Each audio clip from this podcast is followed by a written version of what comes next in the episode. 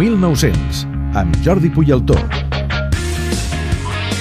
David, I- perquè volem fer apunts històrics, eh, amb el sí, Jordi? El, el que volem fer amb el Jordi Boialtó, què tal? Jordi, com estàs? Benvingut. Molt bon dia, moltíssimes gràcies. Ah, El que volem fer amb el Jordi, bàsicament, és uh, cada 15 dies, és a dir, cada vegada que, que l'Espanyol jugui un partit a casa, presentar alguna història amagada eh, de, de, de la vida de l'Espanyol, d'aquest club que és més que centenari, i si pot ser, vincular-la també amb el, amb el rival del dia, en Amb aquest el cas l'Atlètic de Bilbao. Ahà. Has estat remenant, tens un arxiu històric que em diuen que és espectacular. Sí, bueno, eh, moltes gràcies, però vaja, no... Sí, sí, tinc una sèrie d'arxiu. Eh, llavors, eh, el que faré serà buscar una anècdota que hagi passat relacionada amb l'equip que ens visita i avui doncs, amb l'Atlètic de Bilbao doncs, tinc una preparada que va, va succeir a la temporada 54-55.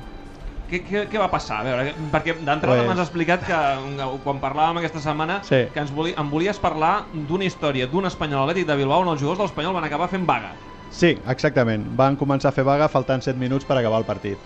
Eh, Llavors, si vols, t'explico una mica per sobre. Eh, El partit, es va, ja et dic, és la temporada 70 54-55, es va jugar el 19 de setembre i era Espanyol Atlètic de Bilbao. Llavors, eh, a l'Espanyol, perquè la, la plantilla que va venir, que va jugar, era Marcel Domingo, Argilés Parragatà, Bolinches Faura, Arcas, Marcet, Mauri, Piquín i Cruelles.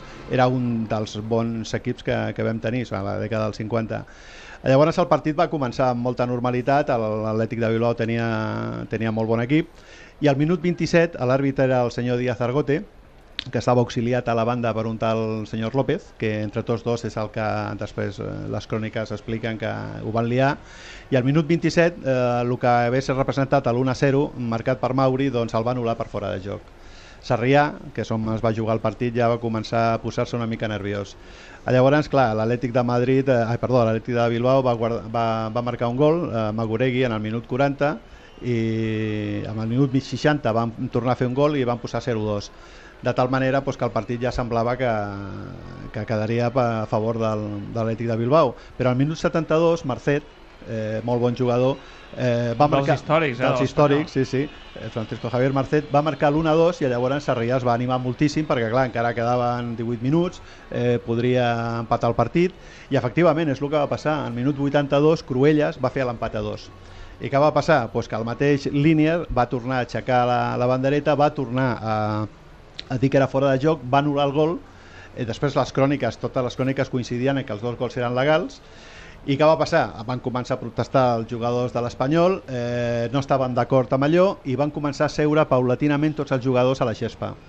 De, de manera espontània. De eh? manera espontània, um, hi ha una foto que es veu el Patricio Caicedo fent unes senyals, que era l'entrenador, com potser eh, estiguen dirigits, però van, de, mm, van començar a seure, l'àrbitre va donar l'ordre de treure el fora de joc, els jugadors de l'Ètic de Bilbao sorpresos van anar sortejant-se tots els jugadors que estaven asseguts al camp, van arribar a la porteria on estava el Marcel Domingo, que no fa fer absolutament res perquè no marquessin el gol, Amb tothom assegut, eh? Tothom assegut al camp, van fent l'1-3 i clar, llavors l'àrbitre va donar l'ordre de treure de mig del camp. No es va aixecar cap jugador, no es, el, el partit no es reprenia i llavors va passar una anècdota, que és un senyor molt ben vestit, amb abric i tal, va baixar al camp, va sortir al camp, es va acostar a l'àrbitre tothom pensava que un era un delegat federatiu i aquest senyor el que va fer és donar-li una bufetada impressionant a l'àrbitre. Llavors aquest senyor va tornar a la graderia i vista el que va l'ambient que ja havia a Sarrià, l'àrbitre va decidir suspendre el partit faltant 7 minuts. Després, amb el temps, l'historiador Justo Conde en va explicar que Constantino Miranda, que era un atleta molt important de l'Espanyol, li va dir que aquest senyor no era cap delegat federatiu, sinó que era un exjugador de l'equip de rugby, de la secció de rugby de l'Espanyol, que era un tal Baltasar. I aquesta és la història. I com va acabar, Jordi, la història? És a dir, van sancionar l'Espanyol? Per, no, per, no? no, no, no, van donar el partit per perdut per 1 a 3, lògicament, Mhm. però si es consulta la Lliga de Futbol Professional, la Lliga aqu- d'aquella temporada es va guanyar 8 partits, es van empatar 10 i com era de dos punts la Lliga, van acabar amb 26, no va haver-hi cap sanció, simplement al perdre el partit. Però els jugadors van decidir no aixecar-se i, i no es van aixecar. Doncs Això, per Déu-n'hi-do. cert, ho, ho podem acompanyar perquè el Jordi ens ha portat una, una revista de l'època Sí, eh, el que, vida- el hem penjat al Facebook, oi? A la portada de, on es pot veure els jugadors de l'Espanyol asseguts a la gespa. Exactament, sí, sí.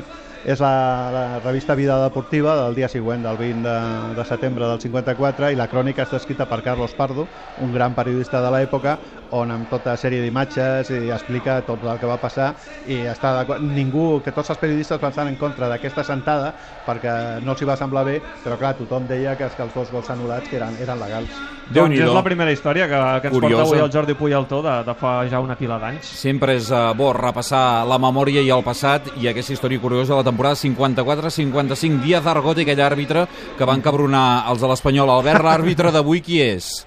Pedro Jesús Pérez Montero té 36 anys del Col·legi Andalús, segona temporada primera. L'Espanyol ha perdut l'únic partit que li ha xiulat aquest àrbitre. L'Atlètic, en canvi, ha guanyat els dos partits que li ha dirigit Pérez Montero. No preveus, eh, cap vaga dels jugadors de l'Espanyol avui a la part final?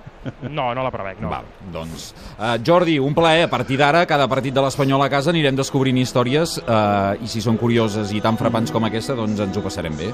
Moltíssimes gràcies, molt amables i, i per aquí estaré cada, cada 15 dies. Fins a la propera, Jordi. Fins Moltes la propera, gràcies. Fins la propera, gràcies.